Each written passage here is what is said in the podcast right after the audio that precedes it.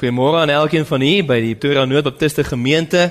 Mag die Here u ryklik seën volgens. Kom ons staan en dan bid die Here die musiek en sang. die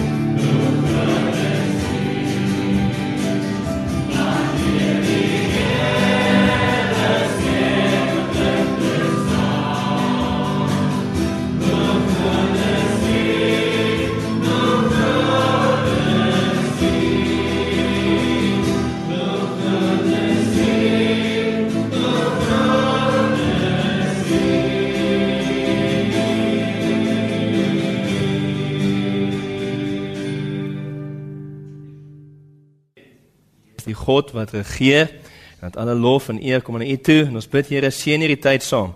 As ons nou kyk na U woord, mag U verheerlik word, Hemelse Vader. Ons vra dit in Jesus se naam alleen. Amen. Wil jy nooi om die Bybels oop te maak by Galasiërs hoofstuk 6. Galasiërs hoofstuk 6 en dan ons gaan vanoggend begin om saam te lees vers 14 tot vers 15. En ons tema vanoggend sal baie eenvoudig wees: herleef die kruis. In Galasiërs 6 vers 14 tot 15 skryf Paulus die volgende en hy sê: Maar wat my betref, mag ek nooit roem nie behalwe in die kruis van ons Here Jesus Christus. Deur wie die wêreld vir my gekruisig is en ek vir die wêreld. Want in Christus Jesus het nog die besnydenis, nog die onbesneenheid enige krag, maar 'n nuwe skepsel. Paulus gee hier 'n getuienis van waarin sy vertroue lê, naamlik in die kruis van Jesus. Hy sê hy wil niks anders roem op niks anders hoop behalwe die kruis van Jesus Christus nie. Martin Luther die reformeerder het gesê dat Christendom is 'n teologie van die kruis. Die kruis van Jesus is die sentrale tema en waarheid van die Bybel. Alles in die Ou Testament profeseë loop op soontoe, meeste profeseë wys vooruit na die lam wat geslag sal word, die knegt wat sal kom lê aan die kruis. In die Nuwe Testament sien ons dit en ons kyk terug daarna en dis die sentrale tema en waarheid van die Bybel. Christendom bestaan as gevolg van die kruis. En Paulus maak dit hier baie duidelik dat hy niks anders sy roem of sy hoop wil plaas nie. Die enigste manier wat ek en jy as mense in 'n regte stand voor God kan wees, is as gevolg van en deur die kruis van Jesus Christus. Om geregverdig voor God te wees, om in 'n regte verhouding met hom te kan staan, is as gevolg van die kruis. Nou dis hartseer, die een van die hardste dinge van die mens is dat ons vergeet of raak baie keer gewoond aan iets. Dink maar aan sekere mense wat in jou lewe is, vriende, familie, waaraan jy so gewoond raak en jy begin hulle as iets van selfsprekend aanvaar. Dis nie meer vir spesiaal nie. Hulle hulle raak maar net deel van die alledaagse. En 'n hartjie ding van die kruis van Jesus Christus is baie keer is omdat ons so baie daarmee te doen het. En so baie daarvan hoor dat dit vir ons ongelukkig afgestomp raak. Dat ons die gebeure en die betekenis en die boodskap van die kruis vergeet en so gewoond raak aan dit raak vir ons in plaas van goeie nuus raak dit baie keer vir ons ou nuus. En vanoggend is my hoop en my verlange dat jy opnuut weer net die kruis sal herleef en dat daar weer opnuut 'n bewondering en waardering in jou hart sal wees vir die tyd van die kruis. Nou een van die gedeeltes wat vir ons dit baie duidelik maak hoe belangrik die kruis van Jesus is, is 1 Korintiërs 1 vers 17 en vers 18. As Paulus vir die Korintiese gemeente skryf en hy sê dit: Want Christus het my nie gestuur om te doop nie, maar om die evangelie te verkondig nie met wysheid van woorde nie, sodat die kruis van Christus nie verydel mag word nie. Want die woord van die kruis is wel dwaasheid vir die wat verlore gaan, maar vir ons wat gered word, is dit die krag van God. Sien, dis hoekom die so belangrik die kruis van Jesus is. Dit is die krag van God. Naamlik die krag van God word bekend gemaak deur die kruis van Jesus. Die krag van God naamlik tot redding. In die kruis sien ons hoe God dit moontlik maak om mense sondaars soos ek en jy te kan red. Ons sal dus goed doen om so gereeld as moontlik en daarom ook vanoggend onsself te herinner aan die kruis van Jesus Christus. John Piper het dit soos volg gesê. Hy het gesê die kruis is die sentrale middelpunt van die heerlikheid van God. Die sentrale middelpunt van die heerlikheid van God, bedoelende geen gebeurtenis in die geskiedenis van die wêreld openbaar die heerlikheid van God soos die kruis van Jesus dit doen nie. As jy die kruis aanskou, sien jy God in sy heerlikheid geopenbaar. En dis wat ons ver oggend sal wil graag wil doen. Herleef dan die kruis saam met my, sodat ons dan fokus op die heerlikheid van God wat sigbaar word deur die kruis van Jesus. Vanoggend sal ons kyk na vier waarhede. Um, ons sal vier waarhede van God herleef sodat ons die kruis aanskou. Vier waarhede. En kom ons begin met die eerste een, naamlik soos dit ek en jy die kruis van Jesus aanskou, herleef die soewereiniteit van God. Herleef die soewereiniteit van God, naamlik dat God in beheer is van alles en almal. Die kruis van Jesus eerder was God se plan A van die begin af gewees en was nie iets wat hy as 'n plan B moes uitdink nadat die mense in sonde geval het nie. Van voor die grondlegging van die wêreld af, voor die skepping, was dit al reeds die plan gewees. Jy sien die hele Bybel van Genesis tot Openbaring handel oor God se verlossingplan wat in werking gestel is voor die begin van die skepping en wat stelselmatig stukkie vir stukkie volgens God se soewereiniteit sy beheer uitgewerk word. Niks kan gebeur sonder dat God dit bewerk of toelaat nie. En die kruis van Jesus spesifiek staan as die ewige getuienis dat God in beheer is en besig is om sy verlossingsplan te realiseer. Blaai vinnig saam met Handelinge 2 toe. Handelinge 2 vers 22 en 23 sien ons waar Petrus op die dag van Pinkster die eerste evangeliese boodskap na die dood en opstanding van Jesus preek. En waar fokus Petrus? Wel die kruis en opstanding van Jesus. En hoor wat sê hy oor die kruis? Hoor hoe wat Petrus se verstaan is van die verlossingsplan van God wat volgens sy voorkennis in plek gestel is. Handelinge 2 vers 22 en 23. Israeliete, sê Petrus, hy preek nou, luister na hierdie woorde. Jesus, die Nasareër, 'n man deur God vir julle aangewys met kragte en wonders en tekens wat God deur hom onder julle gedoen het, soos julle ook self weet, hom, dis nou vir Jesus, wat deur die bepaalde raad en voorkennis van God oorgelewer is, het julle deur die hande van goddelose manne geneem en gekruisig en omgebring. In hierdie vers sê vir ons vers 23 dat Jesus is volgens die bepaalde raad en voorkennis van God oorgelewer. En daai woordjie voorkennis is baie belangrik. Jy sien, daai voorkennis beteken God het geweet wat gaan gebeur omdat hy bepaal het om dit volgens sy raad en plan te laat gebeur. Voorkennis is nie waar God inkyk in die toekoms in en omdat hy weet wat daar gaan gebeur iets hier doen nie. Dis nie dat hy net kennis dra voor die tyd daarvan nie. Hy het dit beplan. Hy het intieme kennis daarvan gehad en dit sy plan gewees dat dit sou met Jesus gebeur. Pontius Pilatus en Herodes was slegs instrumente wat deur God gebruik is om sy plan uit te voer. Kyk vinnig saam met my Handelinge 4. Handelinge 4 vers 27 en 28 waar die apostels nou saam is en die vervolging breek uit en nou bid hulle. En hoor wat bid hulle? Hoor wat is hulle geloofs-oortuiging rakende hoe in beheer God is volgens hulle gebed? Handelinge 4 vers 27 en 28. Want waarlik Herodes en Pontius Pilatus het saam met heidene en die volke van Israel vergader teen die heilige kind Jesus wat u gesalf het om alles te doen wat u hand en u raad vooruit bepaal het om plaas te vind. Wat sê dit vir my en jou? Dit was nie Pontius Pilatus of Herodes uiteindelik wat Jesus op die kruis geplaas het nie. Dit was volgens God se plan gewees. Kyk na die kruis en sien hoe in beheer God is. En laaste gedeelte wat ek vinnig hier aan wil vat in hierdie verband is 1 Petrus. 1 Petrus 1 vers 18 tot 20. As Petrus dan later, hy wat gepreek het op Pinkster skryf en hy skryf hier dieselfde waarheid in 1 Petrus 1 vers 18 tot 20. En hy skryf dit: Omdat julle weet dat julle nie deur verganklike dinge silwer of goud losgekoop is uit julle ydelle lewenswandel wat deur die Vaders oorgelewer is nie, maar deur die kosbare bloed van Christus, soos van 'n lam sonder gebrek en vlekkeloos, wat wel vooruit geken is voor die grondlegging van die wêreld, maar in hierdie laaste tye geopenbaar is om julle ontwil. Voor die grondlegging van die wêreld, voor die skepping, is dit alreeds bepaal dat Jesus op die bestemde tyd sou kom om aan die kruis te kom sterf. Dis hoe soewerein God is.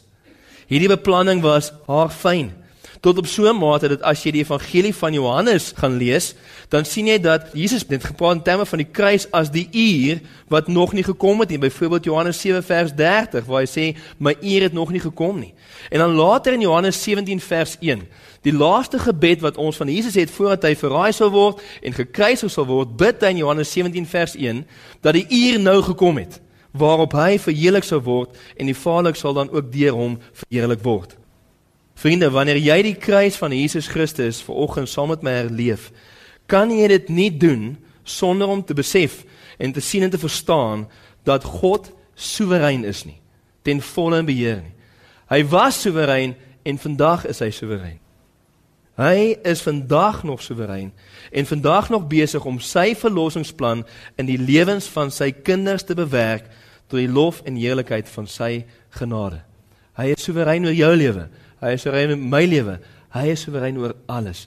Aanskou die kruis en sien hoe soewerein hy is. In die tweede plek wil ek jou nooi om saam met my dit te herleef, die geregtigheid van God. So wat ek in hierdie kruis aanskou, moet ons iets herleef van die geregtigheid van God.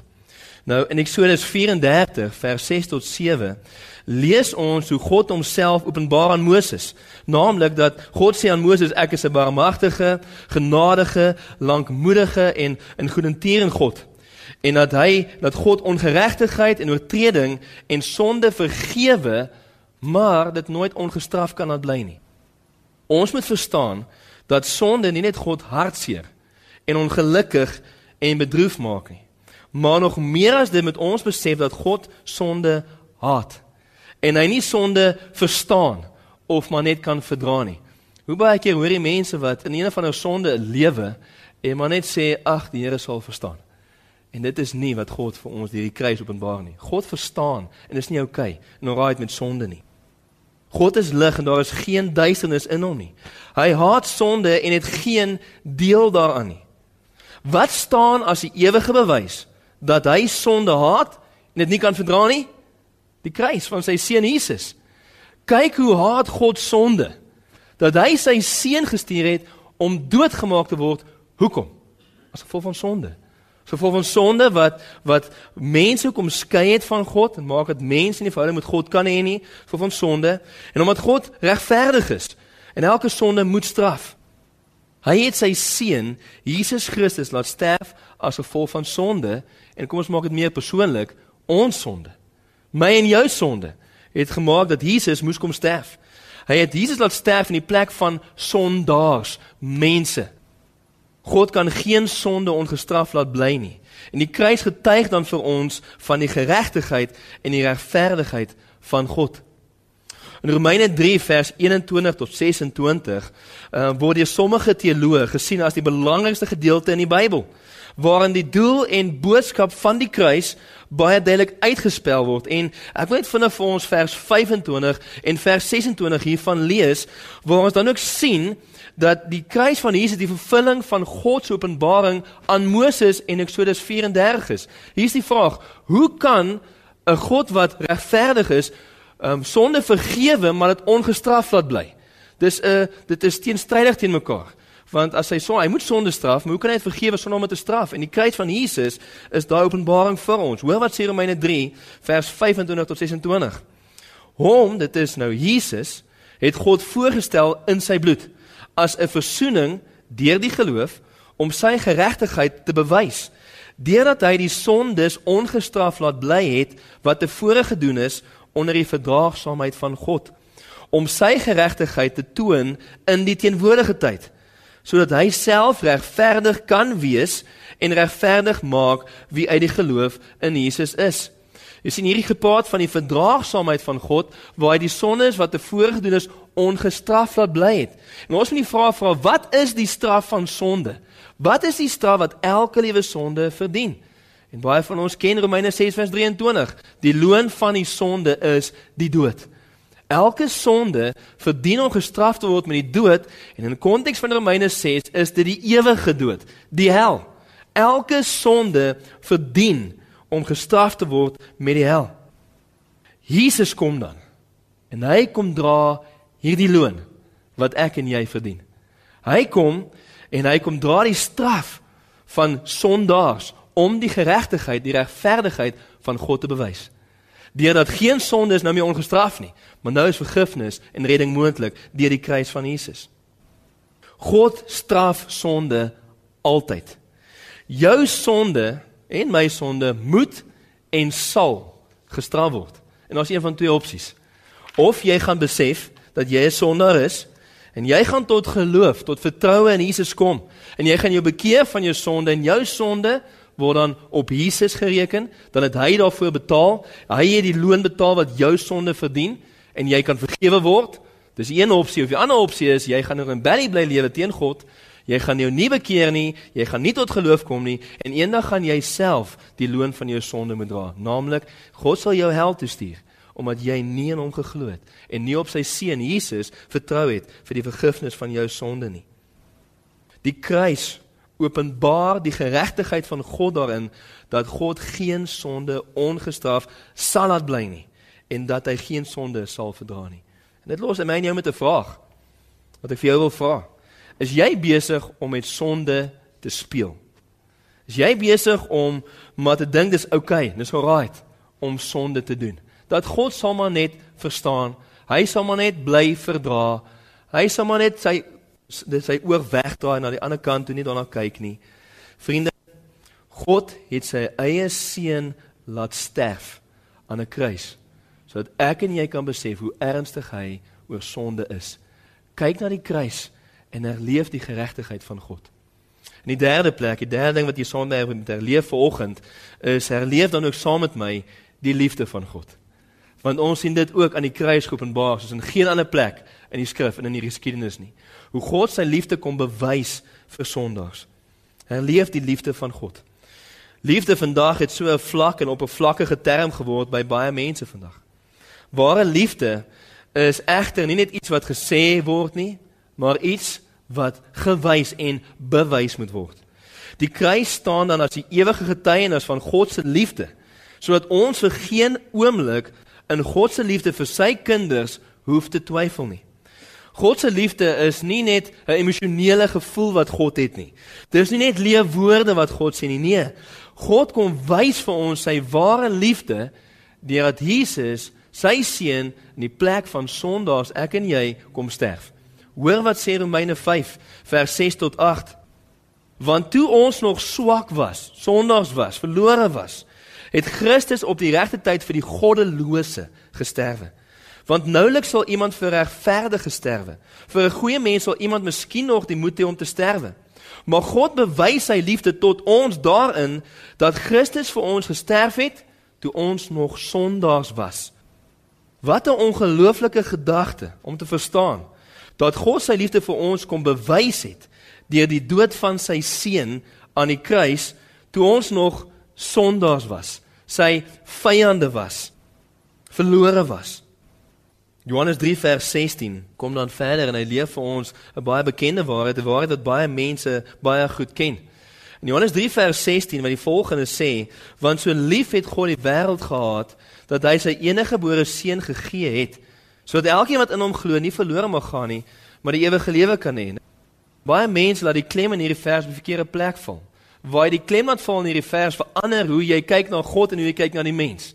Baie mense laat die klem val in hierdie vers want so lief het God die wêreld gehad en sê dan hoe wonderlik hoe spesiaal moet hierdie wêreld wees dat God bereid was om sy seun op te offer vir hierdie wêreld. En ja, daar is 'n element van waarheid daarin, maar dis nie waar die klem van hierdie vers val nie. Jy sien, wanneer Johannes die term wêreld gebruik in hierdie vers, praat hy nie van iemand wat in die Engels baie lovable is nie. Hy praat van 'n wêreld, 'n stelsel wat sondig is en in rebellie teen hom is wat volgens Romeine 3 vers 10 tot 18 wat sê daar's niemand wat goed doen nie, daar's niemand regverdig nie, daar's niemand wat God soek nie. Almal het ontaard en niemand vrees God nie. Dit beskryf daai wêreld wat hierdie God so liefhet.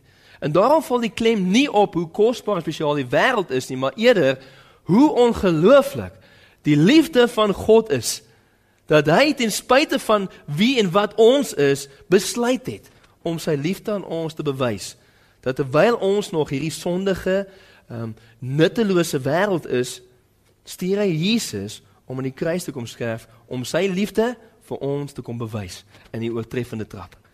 As kyk na die kruis en sien die liefde van Jesus, sien die liefde van God geopenbaar deur die kruis. Ek en jy moes die prys vir ons sondes betaal het. God het die volste reg gehad om elke mens in die hel te werp omdat ons goddeloos is en totaal al verderf is en korrup is. Elke mens verdien om hel toe te gaan, maar God. Maar God het volgens sy ryke barmhartigheid en genade sy seun gegee sodat elkeen wat in hom sal glo nie verlore sal gaan nie, maar gered kan word en die ewige lewe kan hê. Dit is die liefde wat hy vir sondaars het. Vriend, as jou geloof in Jesus Christus is en jou vertroue 100% in hom is om jou te red van jou sonde, moet asseblief nooit twyfel in God se liefde vir jou nie. Kyk na die kruis. Kyk na die ewige getuienis en bewys van God se liefde vir jou. Vir jou wat vanoggend deur 'n moeilike tyd gaan, persoonlik. Jy wat regtig waar in Jesus is, en hier is die kwalifisering dat jy moet in Christus wees dat hierdie liefde waar is vir jou. Maar vir jou wat aan Jesus glo en reg op hom vertrou, hoor vanoggend die bemoediging. Sy liefde vir jou kan nooit verander nie. Niks wat jy doen, niks wat sal gebeur soos sy liefde vir jou verander nie. Romeine 8 vers 38 en 39 sê dit vir ons baie duidelik. Wat dit sê want ek is versekerd dat geen dood of lewe of engele of owerhede of magte of teenwoordige of toekomende dinge of hoogte of diepte of enige ander skepsel ons sal kan skei van die liefde van God wat daar in Christus Jesus ons Here is nie. Hoor dit, sien dit, aanskou die kruis en sien die liefde van God wat aan ons geopenbaar is.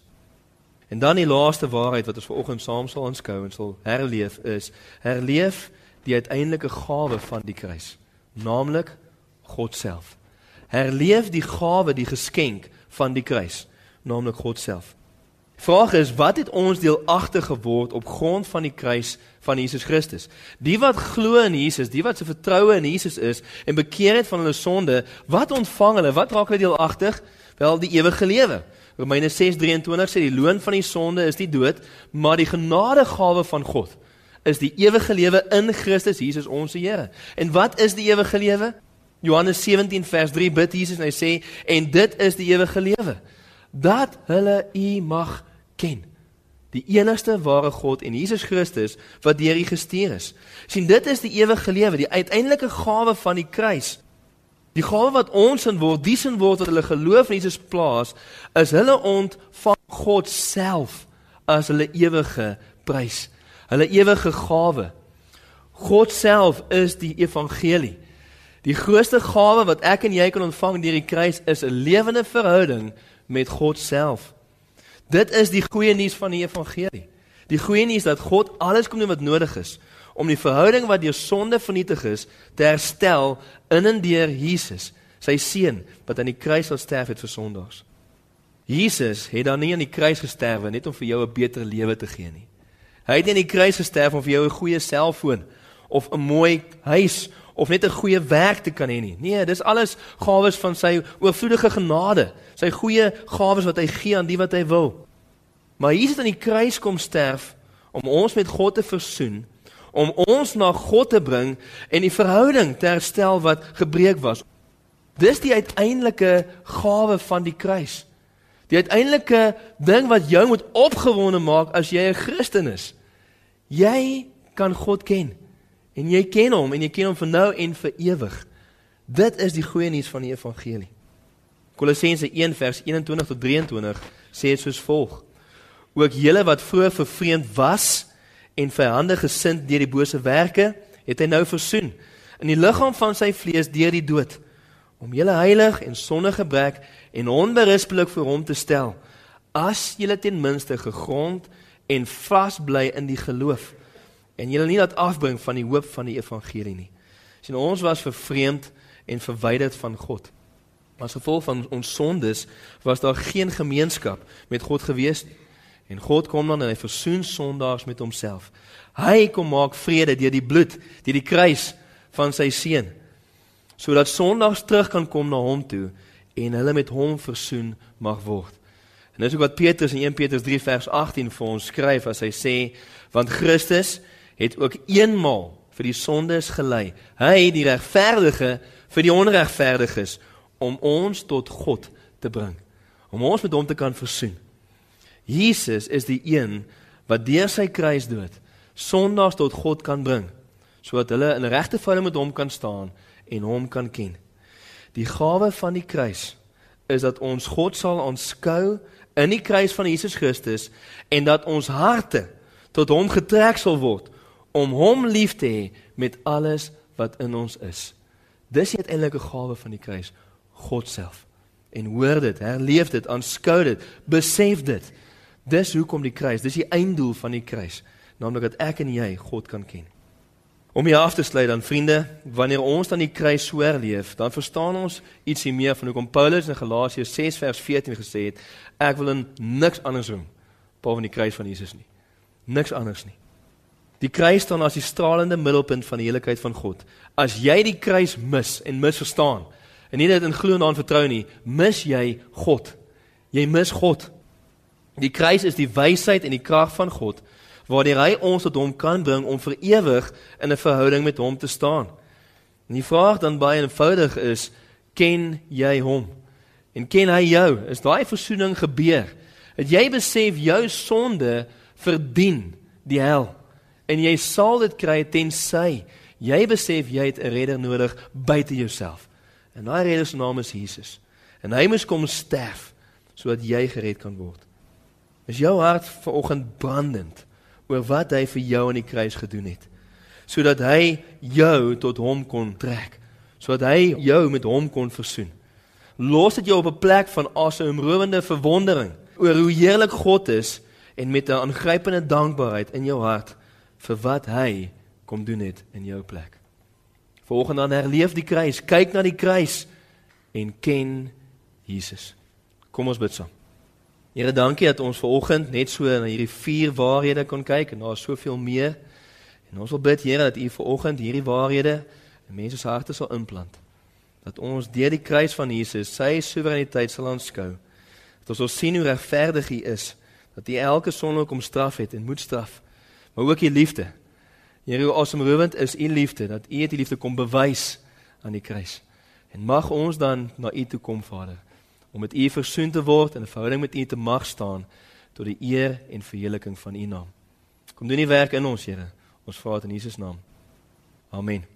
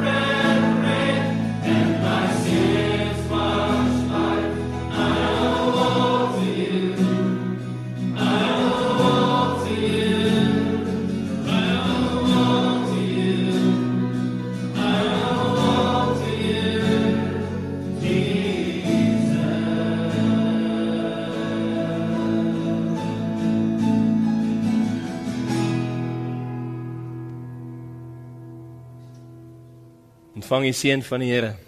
Mag die teenwoordigheid van die Heilige Gees, die liefde van ons God en Vader met jou wees in hierdie dag totdat hy kom.